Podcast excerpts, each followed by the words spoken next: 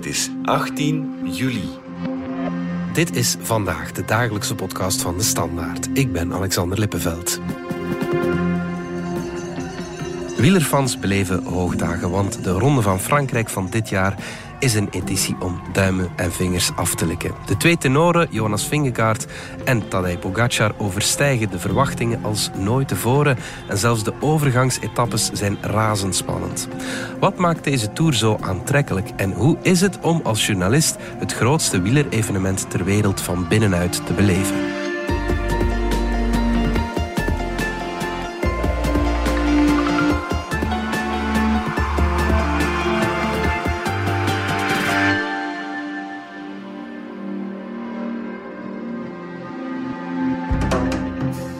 Diebrecht is met van onze sportredactie. Om te beginnen, wat is jouw vroegste tourherinnering? Ja, die gaat eigenlijk wel vrij ver terug tot begin jaren 90. De jaren waarin uh, Miguel Indurain de Ronde van Frankrijk jaar na jaar domineerde. Ja, absoluut. Ik was toen uh, tien jaar oud ongeveer. Ja. Maar ik was... Uh, ja, op dat moment eigenlijk al behoorlijk zot van de koers. Ja. Zeker misschien nog net iets meer van het Vlaamse voorjaar dan van de grote rittenkoersen op dat moment. Maar ik was toch ook in de zomer al vaak voor het tv-scherm te vinden. Ja, maar die Indurain-jaren, uh, in alle eerlijkheid, dat waren verschrikkelijk saaie jaren als je het met uh, vandaag vergelijkt. Hè. Ja, gelukkig voor de huidige generatie, zal ik, kijkers zal ik maar zeggen. Want mm. ja, zo voorspelbaar het toen soms was, zo onvoorspelbaar is het nu en zo spannend. Mm. Ik denk dat iemand voor de start van deze ronde van Frankrijk gezegd dat de twee tenoren na, na twee weken op nauwelijks 10 seconden van elkaar zouden staan, dat, dat die voor gek was verklaard. Ja, ja. Het, is, het is ongezien, of zelden gezien,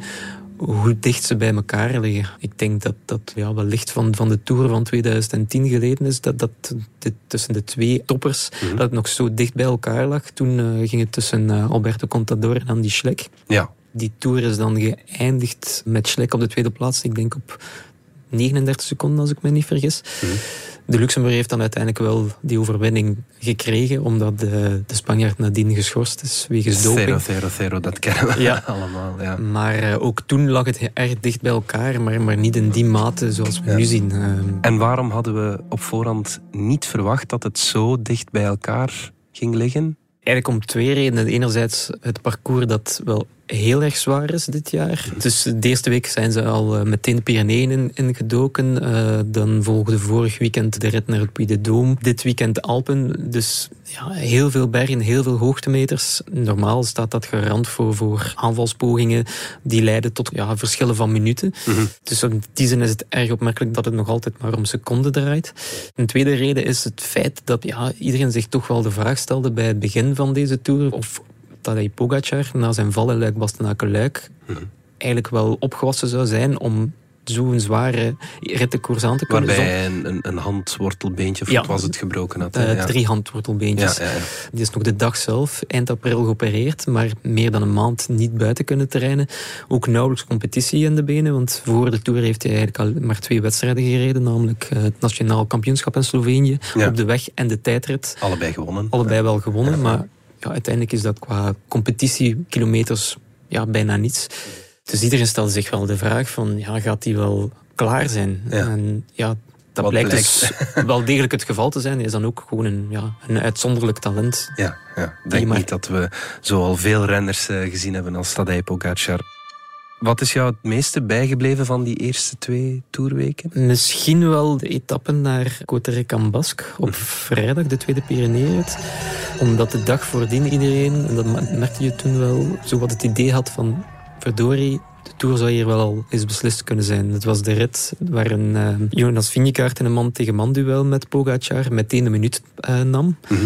En ja, iedereen vreesde wat van... Hmm, Iedereen dacht Pogacar is niet in vorm zoals ja, we hij, zal, hij zal toch niet de volwaardige tegenstander zijn zoals iedereen had gehoopt. Mhm. Maar dan een dag later keerde hij dat helemaal al om. En ja, hij is zo ja, seconde na seconde aan zijn achterstand blijven knabbelen. Tot hij nu op dat punt is beland van die 10 seconden.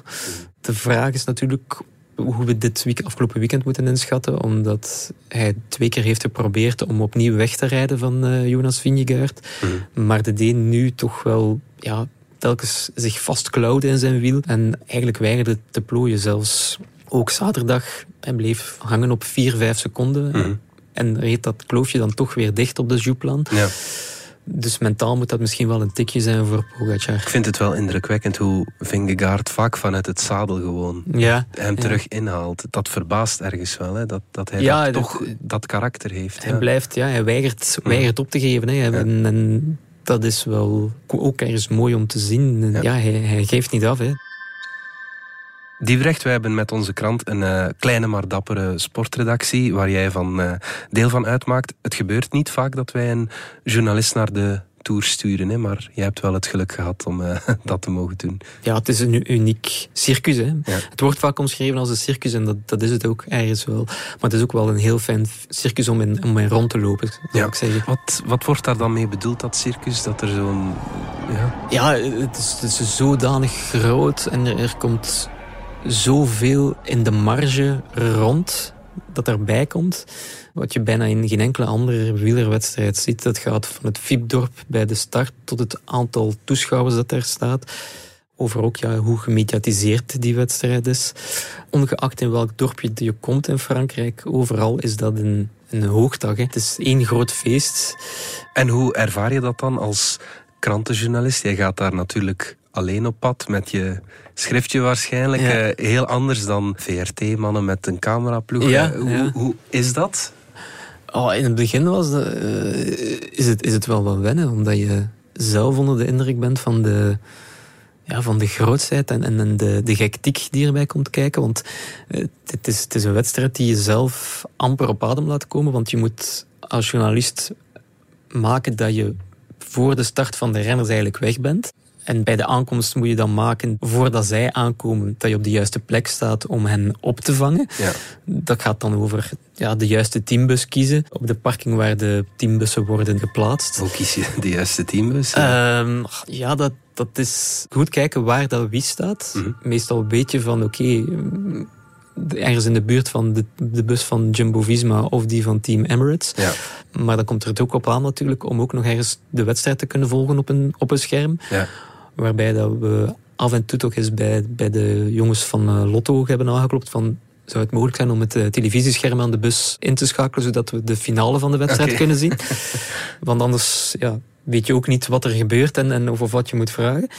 En eh, ja, zodra dat dan effectief de renners over de streep zijn gekomen, is het uh, proberen een zo goed mogelijk plekje te veroveren aan die teambus. Want dan sta je daar al snel met, met 30, 40 mensen ja. die wel staan te wachten op die paar quotes van of de ploegleider of een helper van, uh, van Tadej Pogacar of uh, Jonas Vingegaard. Vaak ook nog met supporters er rond die dan hopen dat ze een handtekening kunnen uh, veroveren of een selfie kunnen maken met Wout van Aert. Mhm.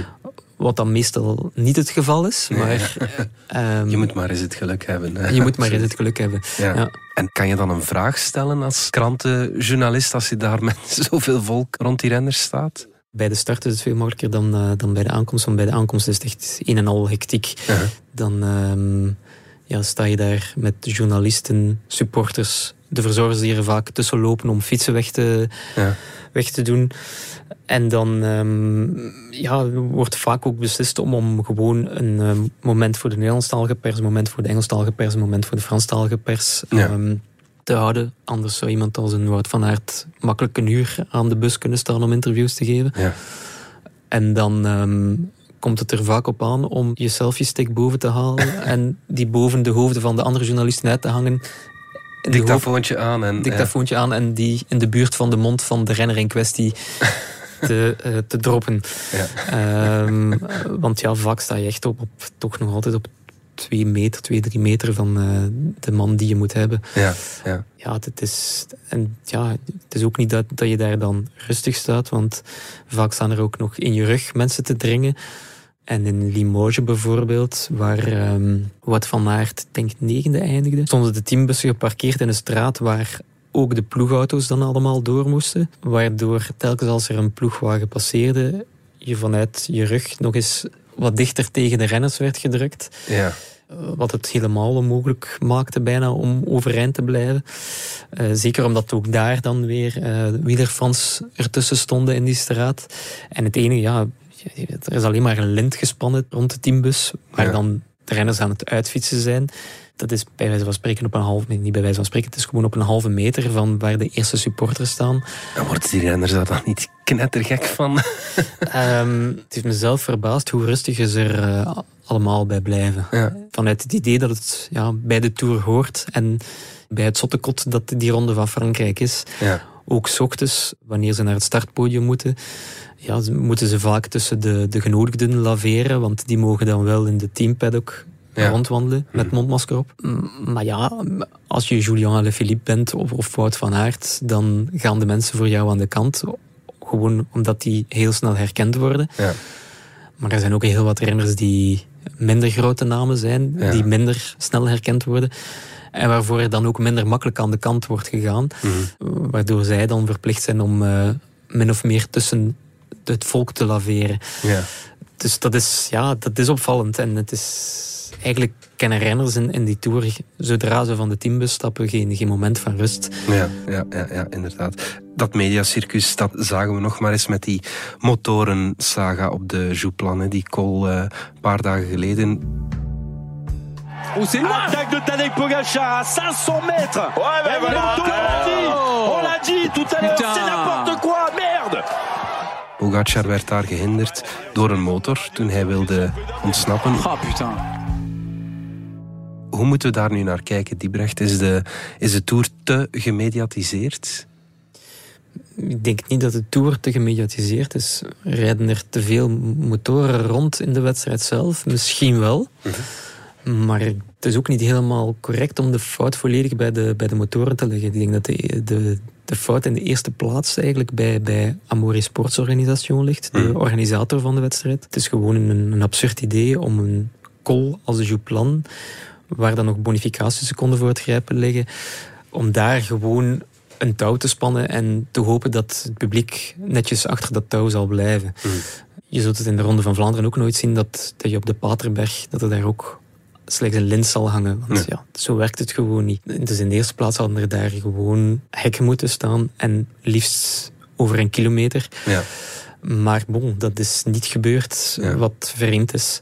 Tegelijk zie je wel dat het publiek ook een factor wordt die, die te vaak um, valpartijen veroorzaakt of invloed heeft op de wedstrijd. Dus misschien moet er op dat vlak ook wel eens iets gebeuren. Mhm. Maar een tour zonder publiek, die rit naar de Puy de Dôme was zo grotendeels, dat is toch ook maar een bevreemdend gevoel. Hè? Dat was heel vreemd. Ehm, want ja, wij stonden zelf net voor de plek waar dan het publiek niet was toegelaten, dus op mhm. vier kilometer van eh, de streep.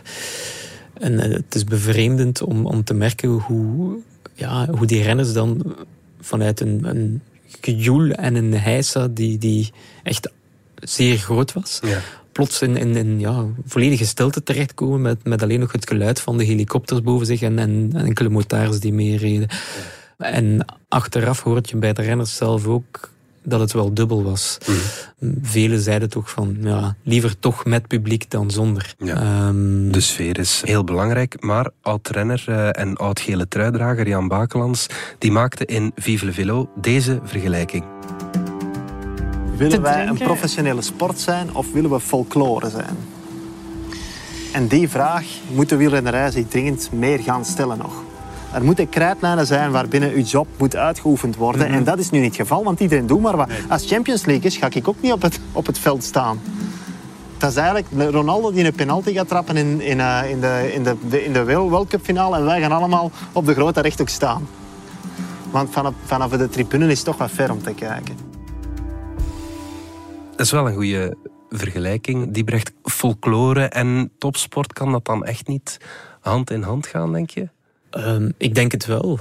Ik, ik, denk dat, dat het voor de beleving van de toeschouwers. Ik denk dat die beleving eigenlijk ongeveer hetzelfde zal blijven. Stel dat ze achter een, uh, achter hekken zouden staan, dan ben je nog altijd even dicht bij die renners. Misschien net iets minder dicht.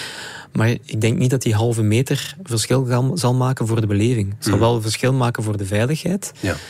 En het zal ook verschil maken voor ja, de, de wedstrijdsituatie. Want had uh, Pogacar een halve meter gehad en hadden die motards een halve meter gehad, dan hadden ze zich uit de voeten kunnen maken. Was er geen Gijsa geweest, dan was het gewoon helemaal niet voorgevallen. Ja, ja, dus ik denk dat het best mogelijk is om de twee te laten combineren.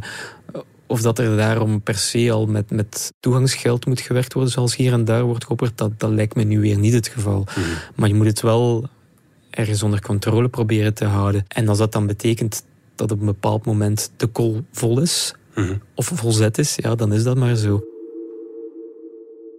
Diebrecht, we gaan eh, nu de laatste toerweek in. Het gaat nog om twee renners, uiteraard. Dat zeiden we al, Vingegaard en Pogacar.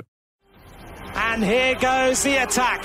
The first move of Tadej Pogacar. Well, we knew it was going to happen. Vengegaard was waiting.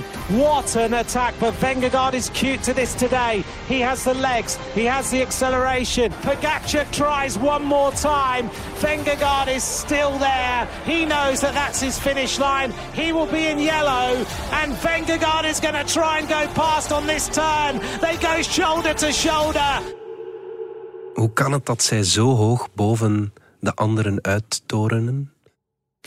Omdat het nu eenmaal ja, twee buitengewone talenten zijn. Mhm. Z- ehm, zowel Pogacar als Vingegaard. Bij Vingegaard waren er tot voor vorig jaar misschien nog wel wat twijfels. Maar die zijn toerzege heeft hem zoveel vertrouwen gegeven dat hij alleen maar sterker is geworden. Hij durft ook meer initiatief te nemen, denk ik. Alhoewel dat dat nu in de laatste dagen minder zichtbaar is. Maar als je zag hoe hij in de aanloop naar de Tour in de Dauphiné of in, de, in het Baskeland rond, rondreed, ja, dat, dat was toen al... Ja, hij degradeerde daar de tegenstander eigenlijk. Ook al omdat Pogacar daar dan niet aanwezig was. Maar dat zijn twee renners die, ja, zoals Oliver Nazen het omschrijft, eigenlijk ja, buitenaardse wezens zijn. Ja, ja. Wie, wie van de twee schat jij het hoogste in?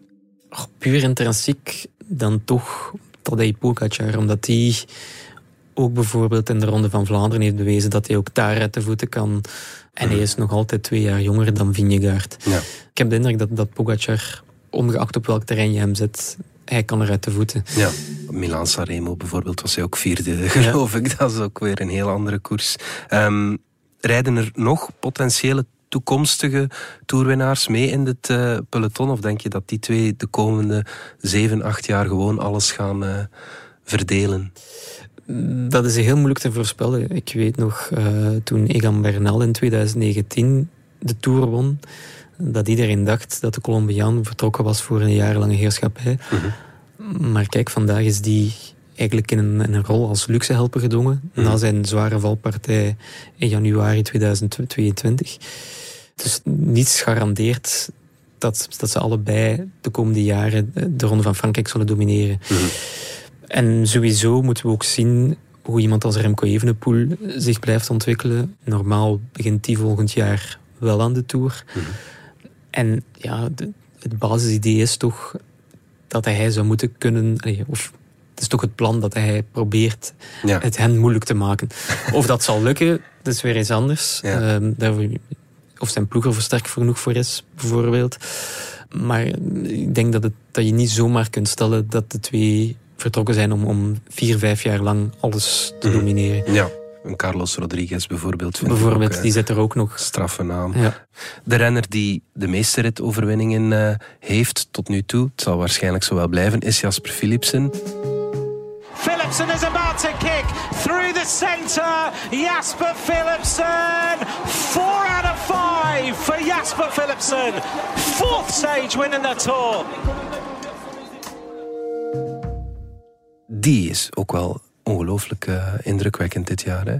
Ja, die eh, heeft duidelijk nog enkele stappen vooruit gezet tegenover vorig jaar. Mhm. Iedereen wist bij, bij de start in Bilbao dat hij met Van der Poel en met Jonas Rickaert misschien wel over de beste lead-out terrein van, van het ganse peloton beschikte.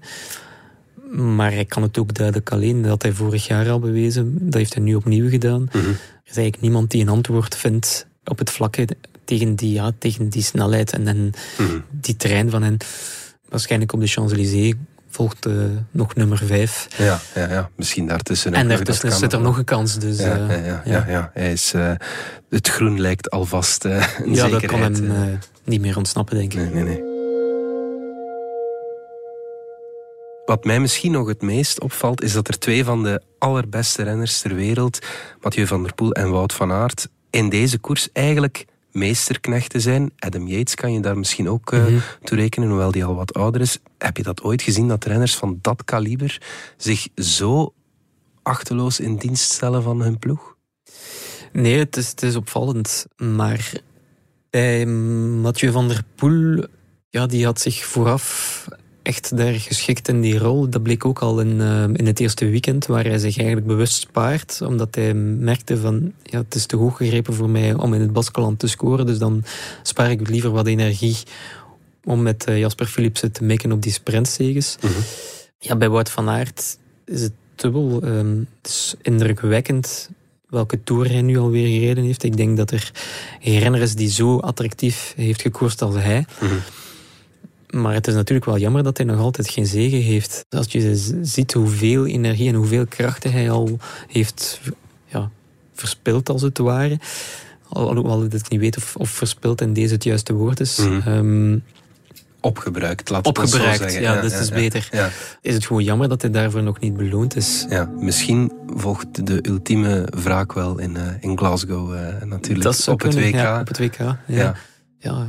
niemand kan ontkennen dat hij in, in, in een erg goede vorm steekt. Mm -hmm. Maar hij heeft, ja, zondag had hij de pech dat hij botst als op iemand als Wout Poes, die nu eenmaal 10 kilogram lichter is dan jij. Mm -hmm. Ja, en dat, dat kom je niet uit op, op een uh, steile beklimming. Ja, en die zijn zinnen ook waarschijnlijk op één etappe in deze hele Tour heeft gezet. Ja, en die nog geen ja. kilometer op kop heeft gereden. Wat, mm -hmm. nee. ja, Wout van Aert wel gedaan Het is ook... Het, het siert hen, zowel Van der Poel als Van Aert, dat ze zich in, in die rol schikken. Mm -hmm. Want ja, het is niet evident om als, als grote kampioenen, wat ze allebei zijn, een rol als een helper op te nemen. De laatste week van de Tour gaat vandaag in. Schets de situatie is waar, waar, voor de duidelijkheid waar we nu staan. Ja, het gaat dus vooral om de vraag wie de Tour zal winnen. Want ja, het gaat duidelijk tussen Vingegaard en Pogacar. De, de nummer drie, Carlos Rodriguez, ja, die is, vormt voor hen geen bedreiging. Mm -hmm. Staat al op meer dan vijf minuten, uh, ja, geloof ik. Hè? Ja, dat dat wel zo is. Er zijn nog drie ritten die, waarbij het echt wel een groot verschil kan gemaakt worden. Mm -hmm. uh, te beginnen vandaag met die klemtijdrit. Mm -hmm. uh, de enige tijdrit die uh, in deze Tour op het programma staat. En ook de reden waarom Remco Evenepoel vorig jaar al meteen zei van nee, ik ga voor de Giro. Want Remco Evenepoel is iemand die vooral in tijdritten dan het verschil moet maken ten opzichte van de andere jongens. Mhm. En die rijden voor het klassement. Naast die klimtijdrit is er dan een dag later eigenlijk de koninginnenrit naar uh, de Col de la Loze. Die uh, vormt het dak van de Tour. Ja. Dus uh, de top ligt op 2304 meter. Het is echt een, een loodzware etappe, want in, in, die rit moeten er bijna 5000 hoogtemeters overwonnen worden. En als het daar dan nog altijd niet tot een groot verschil is gekomen, dan is er ook nog de rit zaterdag uh, in de Vogezen. Op zich is dat een vrij korte etappe, 133 kilometer, maar opnieuw meer dan 3000 hoogtemeters die moeten overwonnen worden en ja. in totaal zes calls. Dus uh, het is niet dat het een uh, rustige wandeletappe richting Parijs wordt, nee, nee. zaterdag. Tot slot, Diebrecht, wie wordt het nu? Pogacar of Vingegaard? Hmm. Een gokje.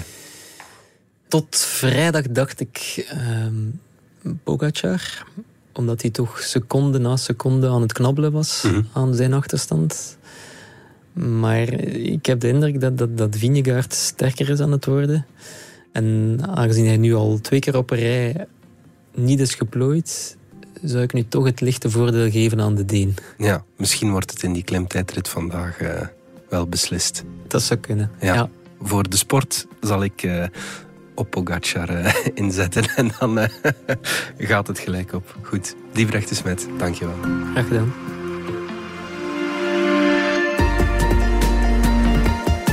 Dit was vandaag de dagelijkse podcast van De Standaard. Bedankt voor het luisteren. Volg ons op Spotify, Apple Podcast of eender welk ander podcastplatform. In onze gratis FDS podcast kan je niet alleen ons werk beluisteren, maar ook de beste podcasttips terugvinden. Alle credits van de podcast die je net hoorde vind je op standaard.be-podcast. Reageren kan via podcast.standaard.be.